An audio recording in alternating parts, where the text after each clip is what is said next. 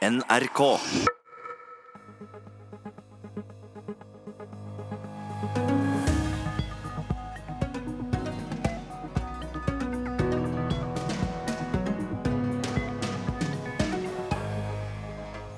Hva slags sikkerhetstiltak møter medier, fotballsupportere og spillere som kommer til fotball-VM? Hvordan rapporterer man om Russland, og ikke minst hvordan rapporterte korrespondenter fra gamle Sovjetunionen? Tre korrespondenter forteller sine verste og beste fortellinger fra arbeid på russisk jord. NRK følger hele VM, og vi skal fortelle deg hva vi kan forvente på NRK, på nett, TV og radio. Og så skal vi avsløre hvilket lag våre gjester gjennom hele denne dagen har hatt mest tro på skal vinne VM. Så da sier vi velkommen til vår niende og siste time med Ellen Wesje Guttormsen og Espen Aas.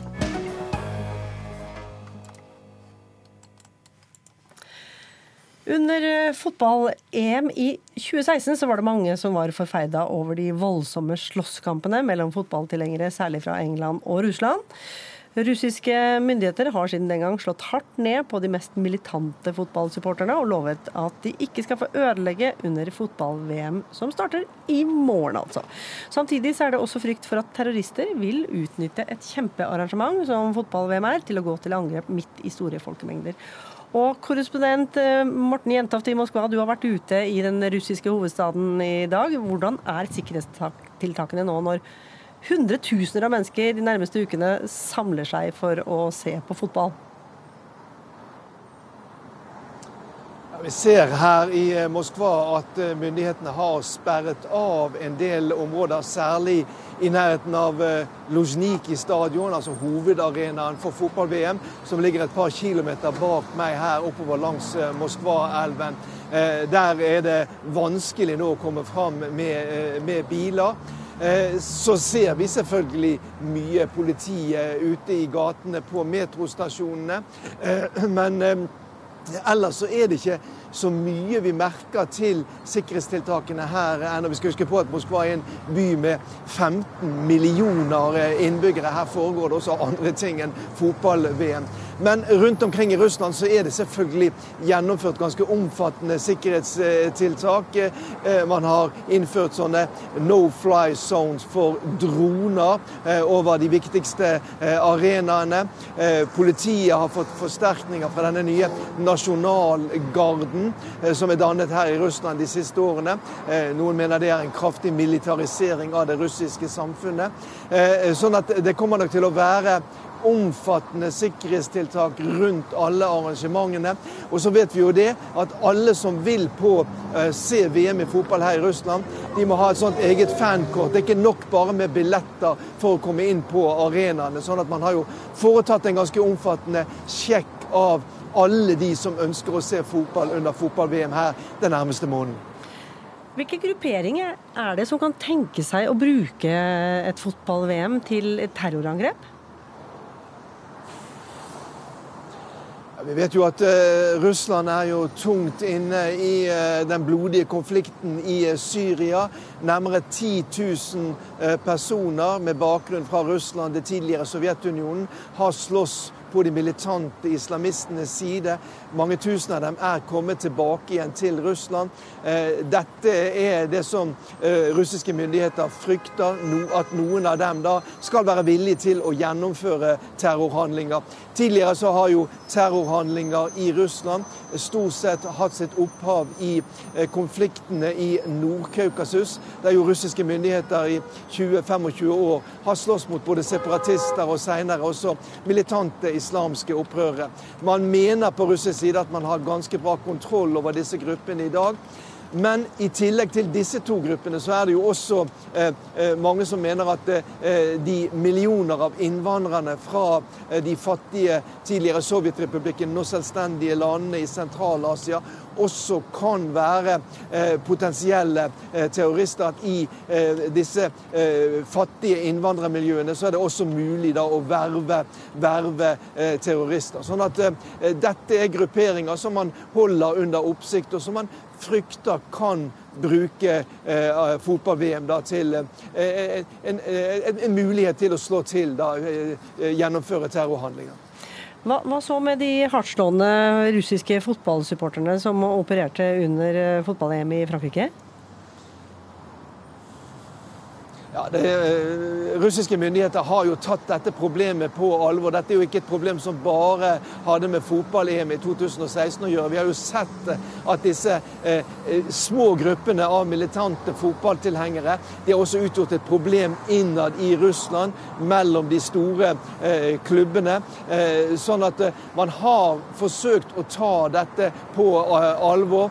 den mest kjente russiske militante fotballtilhengeren tilhengeren eh, Aleksandr Pjogin han ble jo arrestert her i, i fjor. Eh, man har også gjennomført razziaer hjemme hos eh, noen av disse militante fotballsupporterne for å forsøke å ha i hvert fall kontroll på hva de foretar seg i forbindelse med fotball-VM. Fra russisk side har man altså sagt at man vil slå til mot de mest militante her, men noen garanti har man jo ikke. Og man vet jo heller ikke om det kommer da militante fotballsupportere fotballsupportere fra andre land, som igjen framprovoserer reaksjoner her i, i, i Russland. Du har bodd i Moskva i fire år nå. Hva kan du si om den generelle sikkerhetssituasjonen i hovedstaden? Som jeg sa, dette er en enormt stor by eh, med eh, masse eh, folk, mange nasjoner. Generelt så har jeg følt meg veldig trygg i Moskva. Jeg føler meg veldig trygg i Moskva. Jeg reiser med metroen hver dag. Jeg føler at det er trygt. Men som sagt, man kan jo aldri garantere eller kan på en måte forsikre seg mot f.eks. disse enslige terroristene, at noen av dem skulle være villige til å, eh, å, slå til. Det kan man jo ikke gjøre verken i Oslo eller, eller her i, eh, i, Moskva. Men generelt sett vil jeg si at Moskva er blitt en veldig, veldig trygg by. Den kriminaliteten som jeg opplevde f.eks. på 1990-tallet, da ting var mye mer uoversiktlig, ute av kontroll. Den er nesten borte. Så jeg kan bare si at Moskva er etter forholdet da, en relativt trygg by, og det er veldig få av de utlendinger som jeg kjenner her i Moskva, som de siste årene har vært utsatt for eh, uheldige episoder. Vi får jo bare håpe da at de mellom 1500 og 2000 nordmennene som kommer hit i forbindelse med fotball-VM, at de heller ikke opplever uheldige episoder. Mm. Og så får vi håpe at du også kanskje får med deg litt fotball. Tusen takk skal du ha, Morten Jentoft. Ingen land er som Russland. Ja, Det har vi jo nevnt mer enn én en gang gjennom denne lange sendingen. Men hvordan er det å jobbe der? Hvordan er det å rapportere om Russland? Og hvordan var det å rapportere om Sovjetunionen? Vi har nå samlet eh, tre personer som vet veldig mye om dette. Nemlig to tidligere Moskva-korrespondenter for NRK, nemlig Hans-Wilhelm Steinfeld og Marit Christensen. Og nåværende og etter hvert avtroppende Moskva-korrespondent for Aftenposten, Per Anders Johansen. Og La meg begynne med deg, Hans-Wilhelm. Eh, med fire fire perioder bak deg i Moskva. Du reiste ut i 1980 første gang med en eh, svekket eh, Leonid Brezjnev ved makten. Hva møtte deg 29 år gammel? Du kjente landet fra før, men skulle altså rapportere vestover. Det begynte jo med sommer-OL i Moskva i 1980 som Vesten boikottet.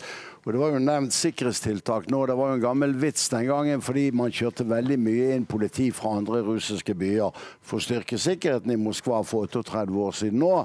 Og da gikk vitsen på at uh, du skulle ikke være redd hvis en politimann stoppet deg, for han skulle sikkert bare spørre om veien til Den røde plass. Det kom jo inn svære politistyrker som ikke hadde peiling på Moskva. Jeg var 29 år, hadde kone og et lite barn og var redd for å bli utpresset av KGB. Og Derfor tok jeg en forsikring hos Lloyds i London mot politisk utvisning. Det var på en million kroner, og det dekket godt og vel mitt boliglån i 1980.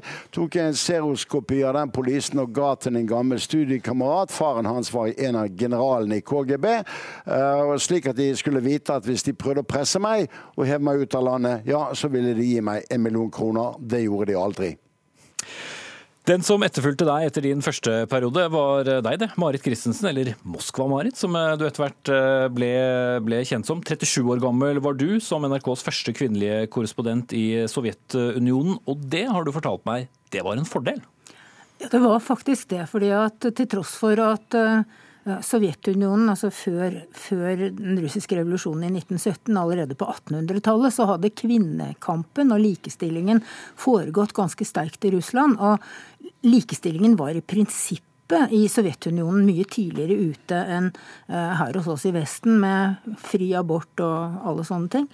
Ehm, men eh, da jeg havnet eh, som utenlandskorrespondent som skulle beskjeftige meg med storpolitikk og avspenning og opprustning og alt som verre var, for å si det på den måten, så var det ikke så mange kvinner av oss. Vi var kanskje to-tre utenlandske kvinnelige korrespondenter og haugevis av mannfolk. Og det som egentlig var eh, litt interessant å oppleve, var at Russland, jo til tross for likestillingskamp for lenge siden, er jo et veldig mannsdominert samfunn. Var og er fortsatt. Eh, og eh, blant politikerne så var det den gangen ikke mange kvinner. Det er fortsatt ikke mange kvinner. Eh, og russiske menns holdning, som kanskje mange norske menns holdning for lenge siden her også, var vel at kvinner ja, de var kanskje litt snillere og litt dummere. Så for meg så var det en stor fordel.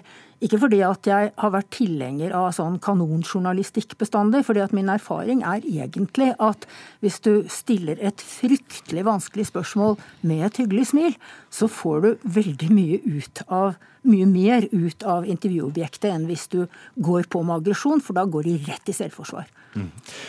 Tredje person i trekløveret er eh, på plass i eh, Moskva, nemlig Aftenpostens Per Anders Johansen. Du har dekket eh, Russland for din avis de siste årene, men du har en litt annen tilnærming. For du flyttet faktisk til Moskva så tidlig som på midten av 70-tallet, fordi din far, Jan Otto, var korrespondent for NRK. Og du, mens han jobbet, begynte i fjerde klasse på russisk skole. Du kunne ikke språket, og har omtalt dette som det verste i ditt liv. Hvordan hadde den svært unge Per Anders det? Det var et uh, sjokk. Jeg vet ikke om jeg har kommet helt over det ennå. Vi ble jo ført rett inn i skole 46, en uh, sovjetisk uh, lokalskole, og kunne jo knapt et eneste ord russisk. Så de første ukene der husker jeg tilbake som et mareritt. Vi måtte bare prøve å klare oss. I ettertid så var jo det et godt valg av mine foreldre, for vi fikk jo gode venner og lærte oss russisk til å overleve på veldig kort tid. Men eh, ja, jeg kan love deg, det var en eh, tøff, eh, tøff tid. Jeg lurer på, Per Anders, mens jeg snakker med Hans-Wilhelm og Marit her, om du skal be fotografen å gi deg en litt bedre mikrofon, fordi at vi hører egentlig bilene bedre enn vi hører deg akkurat nå. Og så går jeg heller tilbake til Bergen og deg, Hans-Wilhelm. Det å jobbe da i, i, Sovjet i din første periode særlig, hva kunne du bruke av kilder? For det var jo mange måter å fortelle historien om hva som egentlig skjedde der, sett fra regimets del. Det er klart det var et veldig lukket samfunn. Det var et diktatur. Du leste Pravda hver dag, veldig grundig. Og fordelen ved å være god i russisk, det var at du måtte lese mye. For veldig mye sto mellom linjene, og du måtte lese svære mengder stoff for å finne de små antydningene til kritisk refleksjon. Dette var den perioden Mikhail Gorbatsjov etterpå kalte for stagnasjon revolusjonsæraen. Og det var nærmest ikke grense for dumskap du kunne både lese og høre om. Uh, Imidlertid skulle man jo være oppmerksom på at om regimet var nokså tussete, så gjaldt jo ikke det det russiske folk. Så i dette villniset av tøv måtte du også prøve å formidle det som faktisk fantes av intellektuell fornuft. Og det var en utfordring, men det betød at du måtte eh, pløye over svære mengder tekster. Fordi det var jo ingen nyheter slik vi forsto det den gangen og forstår det i dag. Det var mer etterplapring og personlighetskultus av den store lederen Leonid Brezjnev, som senere ble gjort ettertrykkelig til skamme de seks årene Mikhail Gorbatsjov styrte landet, og glasnost, åpenhet, fikk råde.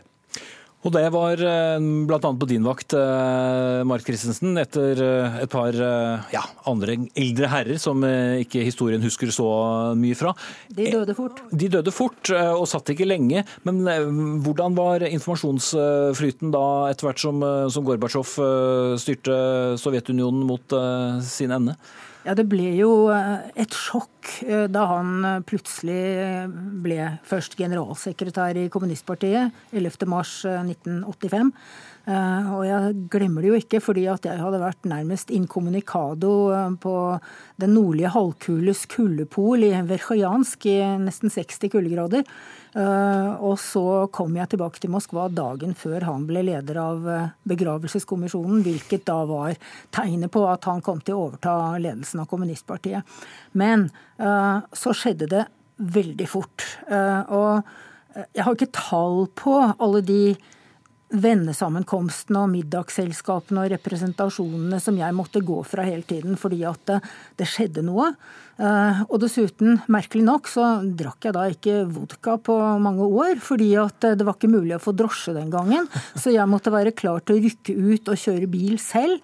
Uh, og da måtte jeg være edru, for jeg hadde fått beskjed om da jeg kom dit av Utenriksdepartementet at hjertelig velkommen til oss og ha det fint, men bare husk at alkohol og bilkjøring ikke hører sammen. Så um, det var en heftig overgang fra total stillhet til masse styr. Mm. Per Anders Johansen, eh, da håper vi at eh, lyden er eh, snillere med deg enn den var i stad. Du fortalte om det litt brå møtet ditt med Russland som, som, gutt. Men når ble du glad i Russland? da? Hva skulle til for at du var mer enn en forskremt tiåring som ikke forsto så mye av hva som skjedde rundt deg? Nei, det skjedde jo ganske fort når jeg fikk venner, og det tror jeg er for alle som møter Russland. Når du kommer inn på russere og får gode russiske venner, så er det gode venner å ha. Eh, med humor, med eh, vidd, med eh, fantasi, og først og fremst lojale venner. Jeg hadde nok litt hjelp av at jeg kunne spille fotball. Jeg var en ganske bra venstrebentspiller.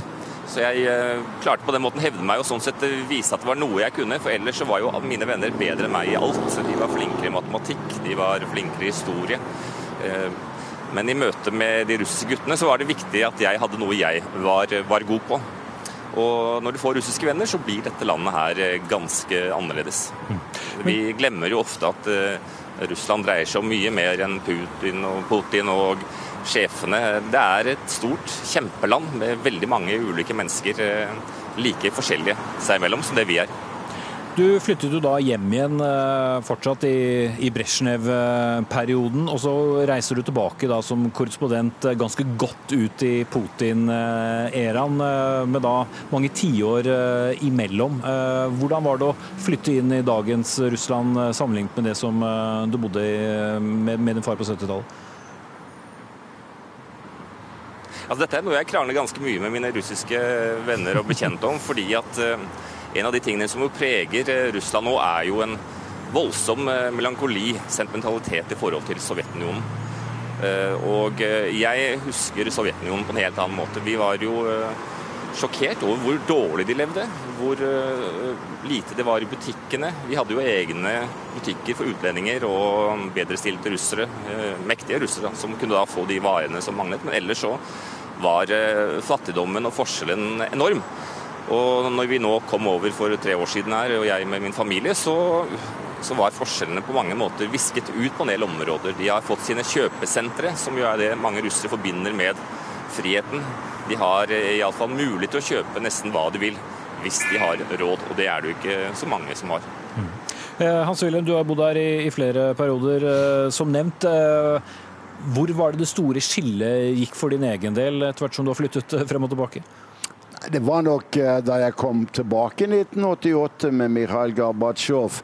For vi som sagt lette med lupe, med lykt og lupe etter fornuftige refleksjoner, både Marit og jeg, i de foregående uh, lange årene. Men det at det kom frem åpenhet, det at folk sluttet å være redd det var et vannskille. Et viktig vannskille. Og den dag i dag har Mikhail Gorbatsjov aldeles rett når han blir kritisert. Og han sier det var jeg som ga dere friheten. Det var det.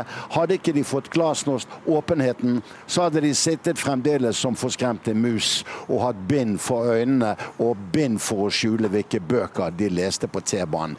Men det har jo skjedd, som Per Anders er inne på, noe positivt. Og jeg reiser mye i sommerhalvåret som reiseleder til Russland, både i St. Petersburg, Moskva og andre byer.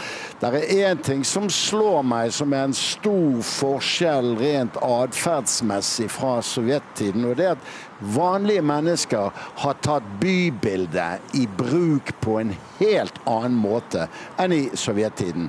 Per Anders har helt rett i at eh, så mye penger har de ikke. Men ta nå Den røde plass, som på vinteren har skøytebane for småunger, rockekonserter om sommeren. Kjære vene, under den kalde krigen var det reservert for masseødeleggelsesvåpen og pompøse politiske taler. I dag har vanlige russere kunnet ta Den røde plass, som òg betyr Den vakre plass, i sin besittelse. Og det er med lettelse, når man har kjærlighet til Russland og russere, om ikke så mye til regimet, at man observerer slike utviklingstrekk også. 10.11.1989 er en dato som eh, veldig mange husker. Mange husker hvor de var, mange husker eh, i hvert fall hva de så på, på TV, for da var det Berlinmuren som, som falt. Eh, og Jeg har lyst til å gå en liten runde på hva dere forventet skulle skje den gangen. Også, Hans Wilhelm, Du var jo på jobb eh, da også. Eh, hva så du for deg skulle skje med, med det landet du da hadde jobbet i ganske mange år? Og det begynner 3.10.1989. Da har NRK viet Sovjetunionen hele TV-kvelden den 7. oktober, som var sovjetisk konstitusjonsdag. Og jeg fikk et halvtimes intervju med Nikolai Rysjkov, storvenn av Norge, og Gorbatsjovs statsminister. Og midt i dette intervjuet så torde jeg å spørre han om eh, hva de mente om det som skjedde i Øst-Tyskland. Og så sa han at hvis våre bestrebelser er i samklang med håpen i andre nasjoner, kan vi ikke kalle det for pinlig. Det var en direkte støtte fem uker før Berlinmurens fall. Morgenen etter Berlinmurens fall, det var russernes mur. Da gikk Nato fra grønn til gul beredskap. Og rent flaks, eh, det er lov å ha god flaks, så var jeg eneste journalist som fikk intervjuet den sovjetiske utenriksministeren denne morgenen 11.11.1989. Og jeg stilte spørsmålet som jeg aldri trodde jeg skulle ha stilt, og det var hva sier så de her, Sjevanadze, til at Berlinmuren falt i går kveld? Da smilte den sovjetiske utenriksministeren og svarte Beslutningen om å åpne Berlinmuren og Øst-Tysklands vestgrense var en vis og nødvendig beslutning. Etter at det gikk på luften, gikk Nato tilbake til grønn beredskap. Mm. Ja, Mari Christensen, hva, hva, slags forventninger hadde du? Da hadde du vært mye i landet, både i embetsmedfør og, og, ja, du har jo en, en, mer akademisk tilnærming også til, til, Russland og Sovjet? Ja da, mitt forhold til Sovjetunionen går jo tilbake til 1968. Eh, så jeg hadde vært der, jeg hadde vært der på stipend, og jeg hadde vært der på folkeminnevitenskapsstipend på Steppene og opplevde at det var veldig lykkelig å ikke ha så forferdelig mange ting. Jeg satte pris på det menneskelige. Det var nesten sånn som noen sa her i gamle dager, alt var så meget bedre under krigen. Det var en lykkelig tid for meg i Varonezj i 72. Men eh, jeg hadde jo også reist mye rundt i det som nå er blitt 15 forskjellige stater. Eh, og eh, ganske raskt så hadde jeg opplevd at eh, når folk fikk forsto rundt omkring, ikke i Russland, at jeg ikke var russisk, så kom plutselig motstanden mot den russiske dominansen først og fremst selvfølgelig da den politiske og økonomiske, men først og fremst den kulturelle dominansen opp. Og jeg skal ikke glemme at Gorbatsjov i 1985 gjorde sin første utenlandsreise, altså utenfor Russland, til, til, Latvia, og sto i Riga i en selvbetjeningsbutikk, og så sa han 'her hos oss' til disse latvierne som jo hatet Russland, og som var omkring ham. Jeg tenkte dette går gærent. Han har ikke forstått hvilken motstand staten Sovjetunionen har. Og da begynte jeg å mistenke at her, med glasnost og masse skravl og babbel og diskusjoner, kan føre dit ingen har tenkt seg, nemlig at hele denne staten faller sammen. Og Det er jo noe som Putin fortsatt er redd for. At det som er igjen av Russland, også med mange forskjellige nasjonaliteter, og ikke minst muslimske minoriteter, store sådanne, han er redd for at staten skal falle sammen. Og der har russerne et begrep som ikke vi har, og som er uoversettelig, nemlig gasodarstvinest, som betyr noe sånt som statlighet. Det er et uttrykk de har fått fra Østen, og som er fryktelig viktig. Putin har brukt det. Nemlig det viktigste er at staten fortsatt holder sammen. Mm. Per Anders Johansen, eh, du var vel eh, et sted i studietiden du kanskje da den uh, muren falt? Var i hvert fall midt imellom barneskolegutt og, og kommende journalist. Hva, hva tenkte du? Du, nei, jeg jobbet i Studentavisen Universitas, og vi fulgte jo med på alt som skjedde. Dette var jo det viktigste i skal vi si, vår studenttid. Og vi dro av gårde til Berlin for å kakke en bit stein og reise til Warszawa for å møte andre unge revolusjonære studenter. Altså, vi hadde en voldsom oppmerksomhet om alt det som skjedde. Det jeg tenker i dag, er jo at eh, etter det så glemte vi jo russerne. Eh, og fulgte vel ikke så mye med på hva som eh, skjedde videre på 90-tallet. Der er det et slags nærmest sånn historisk jetlag mellom vi som bor i vest, og russerne, som faktisk levde i Russland i alle disse årene. Eh, og opplevde mye som eh, vi har vanskelig for å forestille oss i disse tøffe, eh, krevende omstillingsårene. Med tilløp til anarki, med hvor alt de hadde av verdier forsvant, og hvor de ja, på en måte ble litt overlatt til seg selv. Det er iallfall slik de føler det. Og vi forstår jo ikke noe av det som skjer i Russland i dag uten å ha 90-årene med oss. Dere har alle tre dekket veldig store begivenheter, eh, både i nåtid og, og tidligere tider. og hvordan forholder man seg til russiske myndigheter når store ting skjer? Det være seg Afghanistan-krig, Tsjernobyl-ulykke, murens eh, fall. Altså, Hvordan er det eh, å være blant da og russere og forholde seg til ja, offisielle kilder? Hvis jeg begynner med deg, Hans Wilhelm? Jeg intervjuet dem. Jeg, jeg hadde 40 intervjuer med Mikhail Gorbatsjov og like mange med Boris Jeltsin. Eh, det var jo en lett tid, for Putin har lukket Russland i mye, mye høyere grad. Eh, NRK fikk intervjue Mikhail Gorbatsjov så ofte at da jeg intervjuet ham 3.10.1990 det er dagen for Tysklands samling, og rapporterte stolt hjem til en vaktsjef i Dagsnytt at jeg har fått intervjuet Gorbatsjov, så sier vedkommende og hva snakket dere om da? Så det var relativt hyppig. Men jeg må jo bare si at Putins Russland er hermetisk lukket i forhold til det som skjedde mellom 1985 og 1999. Det avgangsåret for Boris Jeltsin. Da var Russland vidåpent, og man kunne drive primærkildejournalistikk innerst i Kreml. Og det var det mitt privilegium fremfor alt å få gjort i min andre og tredje periode i Moskva. Mm. Ja, Marit, du hadde jo bl.a. vel Tsjernobyl eh, på din uh, vakt. Ja. Uh, ting som tok litt tid for å, bekreftet, ja, for å få bekreftet? Ja, absolutt. Og det var jo ja, Det skal jeg altså heller aldri glemme, fordi at jeg hadde vært i sentrum og kjørte ut i kontoret som da lå ganske langt utenfor sentrum. Og da kom det et for, først en veldig slags sandstorm, og så et forferdelig forferdelig regn, så gatene svømte over en halvmeter vann. Og så kom jeg til kontoret, og så leste jeg Den gangen hadde vi Telex, vi hadde Tass på Telex. Eh, og at det hadde vært en brann i et kjernekraftanlegg i Tsjernobyl. Og jeg tenkte hvor i granskauen er Tsjernobyl, så jeg måtte da dra frem kartet. ikke sant? Og så Det eneste jeg visste om atomulykker, var det en brosjyre som faren min hadde fått på 50-tallet i det sivile luftvern. Så jeg tenkte å gud, dette her må ha vært sånn heavy rain, altså sånn tungt atomregn. Og jeg tenkte gud, hvem skal jeg snakke med nå? Da følte jeg meg fryktelig alene og egentlig ganske redd. Og så tenkte jeg nei, jeg må, jeg må, ringe til Det var ikke noen russiske myndigheter eller sovjetiske myndigheter å ringe til, så jeg måtte ringe til den norske militærattachéen og spørre var det atomregn. Har vi nå utsatt for radioaktivt nedfall? Uh, og han kunne da uh, trøste meg og si at nei, det var for langt borte, så det var ikke det. Men så tok det altså veldig lang tid. Ikke så langt, fordi det var vel første gang uh, i det hele tatt Gorbatsjov og sovjetisk ledelse hadde kommentert en ulykke. Nå var jo denne ulykken større enn noen andre ja. ulykker noen gang. Eh, men da kom plutselig denne glasnosten, altså åpenheten, til sin rett noe sånn som ti dager eh, etterpå. Og så ble det mer og mer. Fortsatt var det stengt. Jeg fikk ikke lov i begynnelsen da å reise til Tsjernobyl, enda jeg prøvde å få til det. Kanskje var det greit eh, at jeg ikke gjorde, tenker på helsa. Men da, men da folk fikk Hans Wilhelm fikk jo lov til det på et senere tidspunkt. Så det var et gjennombrudd rent informasjonsmessig. Men før det så var man jo prisgitt stillheten, ikke sant? som da jeg opplevde denne, dette regnet og dette merkelige og oppdaget denne brannen i Tsjernobyl. Mm. Eh, per Anders, eh, jeg ser jo du også er jo på pressekonferanser og, og, får de på en måte offisielle eh, historiene fra eh, russiske myndigheter.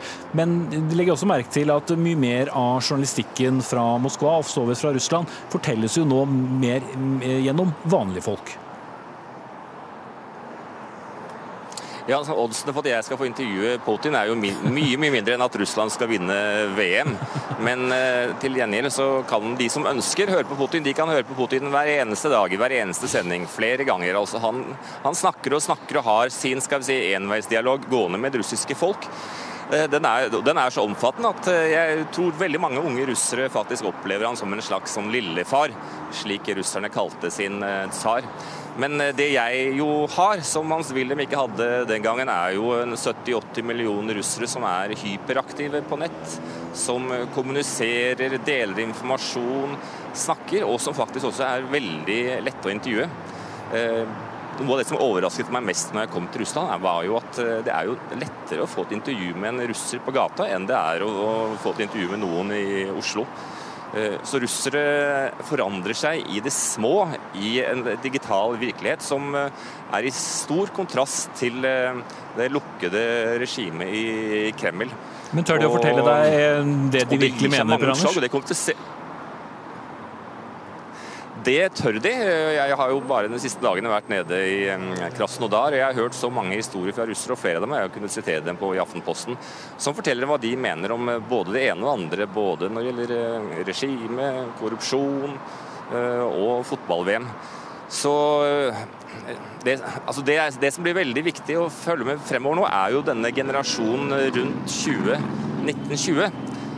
De unge russerne som er veldig like våre egne barn som er vokst opp med mobiltelefon og har de samme interessene, hører på den samme musikken, leser de samme bøkene og digger de samme filmene. Eh, hva kommer til å skje når, eh, når de skal bestemme hvor dette landet her skal gå videre? Og det, ja, Der er det både positive og negative ting vi ser. Det som bekymrer meg litt, er jo en eh, form for fullstendig sånn apati i forhold til politikk. Altså Man bryr seg ikke om politikk, man engasjerer seg ikke i politikk. På den andre siden så ser du at russeres engasjement i sitt lokalmiljø øker. Det er mange flere som engasjerer seg i miljøspørsmål der de bor. Og, jeg tenker at det er ikke noen quick fix på dette landet. her. Russerne er nødt til å bygge et sivilt samfunn. og jeg håper at de unge russerne skjønner at de må ta ansvar selv hvis de ønsker at dette landet her skal klare å gjøre det som alle snakker om her borte, nemlig gjennombrudd. Det er jo veldig typisk at Putin sier det nå før valget at Russland trenger et gjennombrudd. Han har jo hatt 18 år på å gjøre noe med det. Men det er en følelse i Russland nå om at noe må gjøres. Spørsmålet er om det kommer til å bli gjort. Mm. Eh, ja, Marit, du ville på? Ja, det var lyst til å si at Når det gjelder eh, sjansen for et intervju med Putin, så tror jeg faktisk fortsatt det er en fordel å være kvinne. Eh, det var nå det. Og så er det en ting til.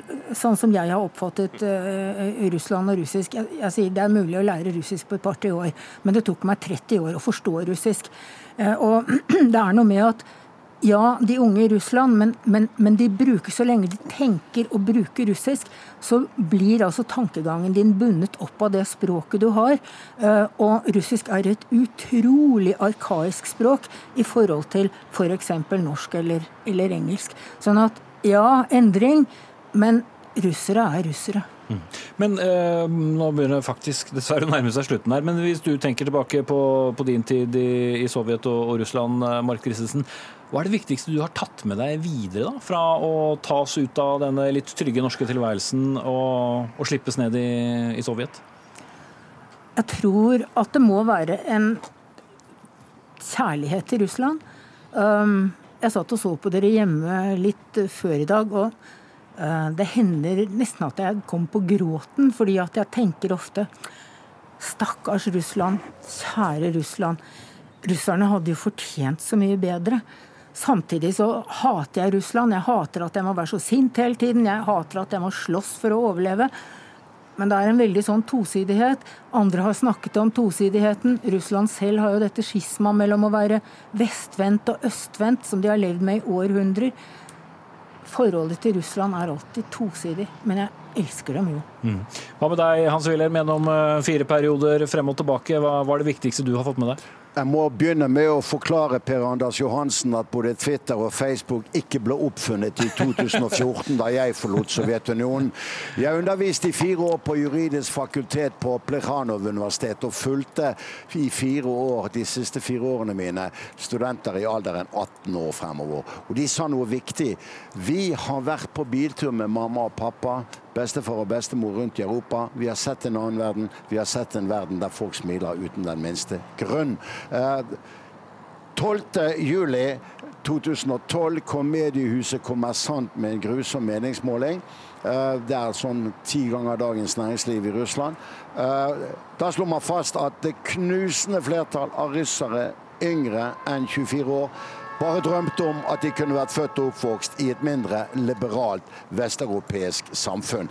Da Vladimir Putin holder sin første tale eh, i sin tredje periode som president klokken 12 den 12.12.2012 i Kreml, så sa han hvis vi ikke snart gjør noe for de unge mellom 20 og 45 år i dette landet, så kan den russiske føderalstat falle sammen om 15 år på samme måte som sovjetstaten falt fra hverandre.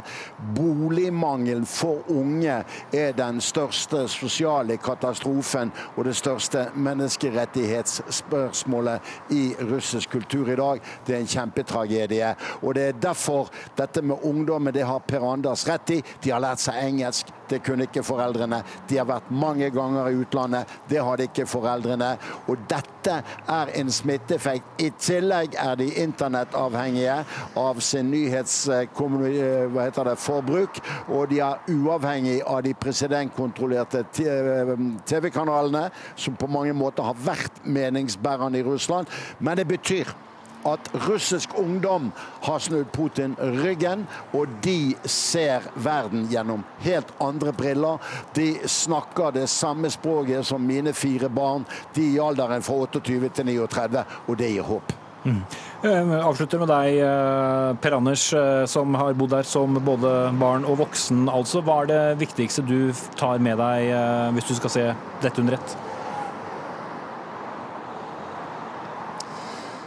Du, Det er vanskelig å si, for jeg føler ikke at det er en enkelt historie å si om Russland. og det, er et så mangfoldig og spennende land, men jeg må si at først og fremst så er jeg jo begeistret for russeres historiefortelling og deres evne til å beskrive hva som skjer. og Det tror jeg er noe vi kommer til å legge merke til. Altså Hvis vi går tilbake den gang, til den gangen vi bodde der, så kunne jo ting dekkes over. Vi hadde katastrofer som ingen fikk vite om, men i Russland i dag så pepler det ut spennende historier. Eh, F.eks. i Volgograd, hvor mange av fotballkampene skal pågå nå de neste ukene så er jo den store skandalen nå at en politisjef eh, klarte å kjøre i fylla med 16 mennesker om bord og 11 druknet.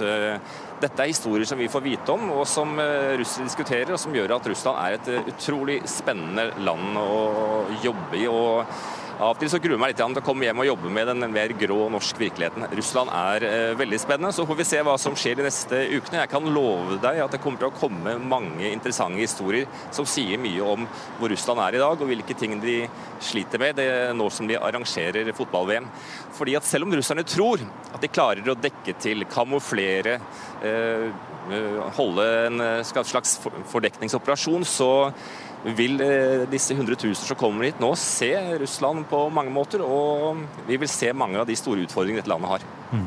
Da sier vi takk til eh, dere tre for å ha delt eh, deres fantastiske historier. Hans Wilhelm Steinfeld med oss fra Bergen, Marit Christensen her i studio og Per Anders Johansen med oss direkte fra Moskva.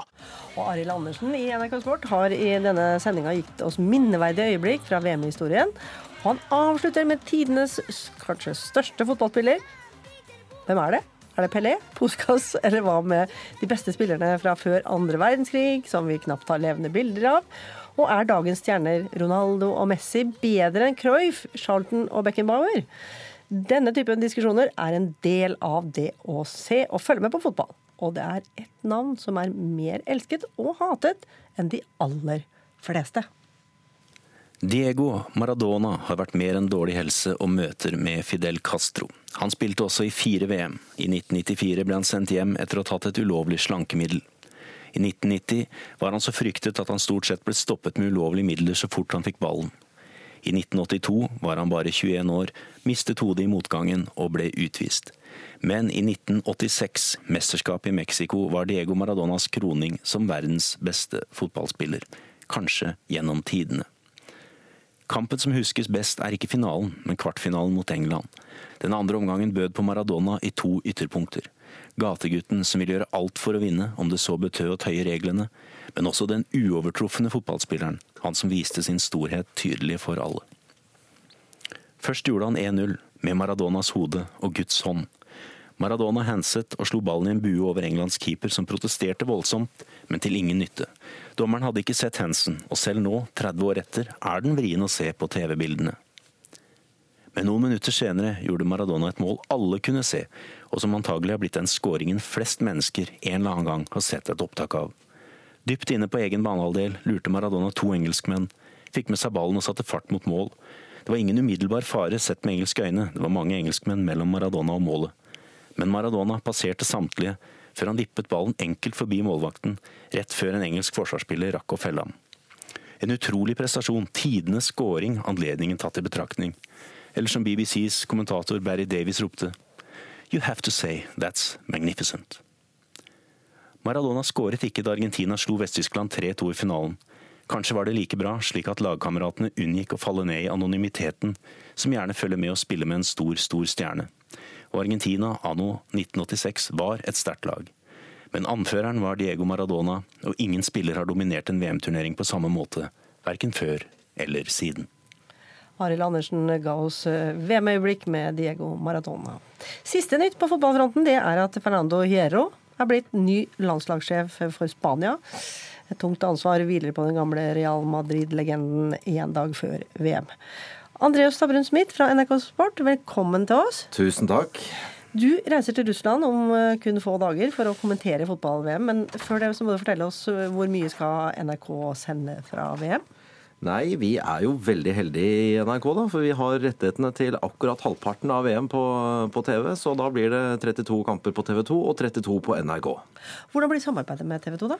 Det blir et tett og godt eh, samarbeid. Det er ikke to konkurrerende kanaler. Det er eh, to kanaler som eh, jobber for det samme, nemlig å få fotball-VM ut til folket. og det har jo blitt en flott tradisjon at vi deler studio med TV 2. Så Kontraskjæret er klart igjen til å ta imot uh, festglade fotballfolk til fest på Kontraskjæret. Hva slags sendinger blir det til? Det blir fra NRKs side en, en, veldig fokus på Russland, på tilstedeværelse der. Vi har reportere på plass og ta tempen på, på VM-landet underveis. Og så blir det også får man jo selvfølgelig servert en del historier som du ikke visste at du hadde lyst til å høre. høre bør. ja. Hvor kan man følge VM da, annet enn på TV? Det er eh, bred dekning på eh, radio. Der har vi jo faktisk rettighet til alle kampene. Så der er det bare å skru seg inn på NRK Sport, så får man eh, servert alle kampene i VM. Og så er det selvfølgelig nett Eh, og Der har vi vårt VM-senter nrk.no VM. Og da vil jeg få lov til å slå et lite slag for denne VM-manageren vår, som det går an å være med på. Det er det som også er kjent som Fantasy, som er blitt kjempepopulært under Premier League-sesongen og for så vidt eliteseriesesongen. Da kan jeg være, og andre og lyttere og seere være trener? Da kan eh, man sette opp sitt eget lag, og man kan gjøre bytter underveis. Og så kan man lage ligaer internt, og det er kjempemorsomt. Og fristen er vel en time før eh, kampstart i morgen, hvis ikke jeg tar helt feil. Hvor mange folk sender dere til Russland? Ikke sånn kjempemange. Det er til sammen elleve akkrediterte NRK-medarbeidere som skal over, men alle er ikke der samtidig.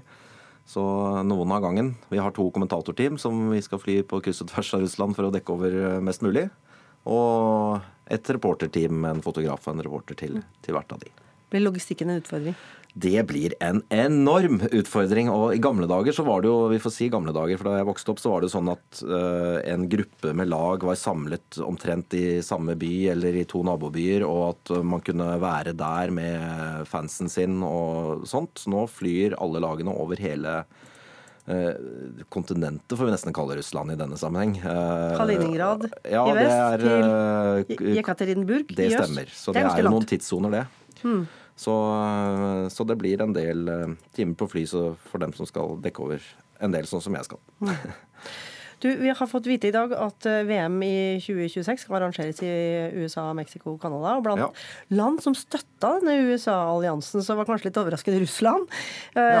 Det kan også nevnes at til tross for det hjertelige møtet mellom Kim Jong-un og USAs Donald Trump tidligere denne uka, så stemte Nord-Korea for Marokko.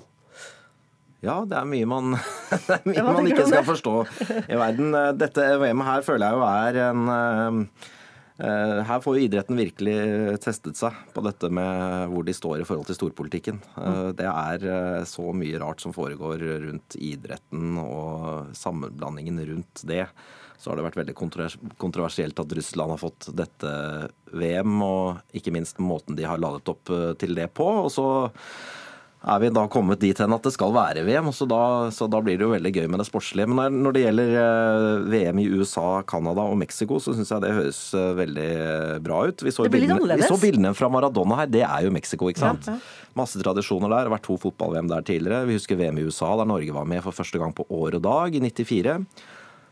Veldig stas. Og så er jeg veldig skeptisk til at det skal være med så mange lag der. Det syns jeg er en skikkelig uting. Det er altså 48 lag i VM.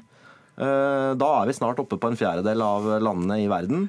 Og det er altfor mye. Fotballen, Kvaliteten på den kommer til å gå ned, og VM blir mindre spennende. Det er min påstand. Så det er jeg sterkt imot, men eh, det er ikke jeg som bestemmer. Det blir med for mange lag som ikke er så bra? Ja, og så har de lagt opp til et trelagssystem. Altså det skal være grupper av tre lag. Og det vil jo si at det vil bli veldig mange kamper, eller grupper som er avgjort før den siste kampen. Mm. Men kanskje mulighet for Norge, da? Og inviterer til dårligere fotball. Og dra og ja, spille, spille i sånne søppelsekker igjen? Vi vil jo ikke ha Norge der hvis ikke de kan levere noe. ikke sant? Nei, det, det skal være en nasjon som kommer dit med et håp om å faktisk utrette noe, og ikke bare kommer dit. Hvem tror du vinner? Nå i Russland? Jeg hører at mange har sagt Tyskland, så da skal jeg faktisk ta en sjanse og si at det som har skjedd med Spania i dag, gjør at de vinner. Oi, oi.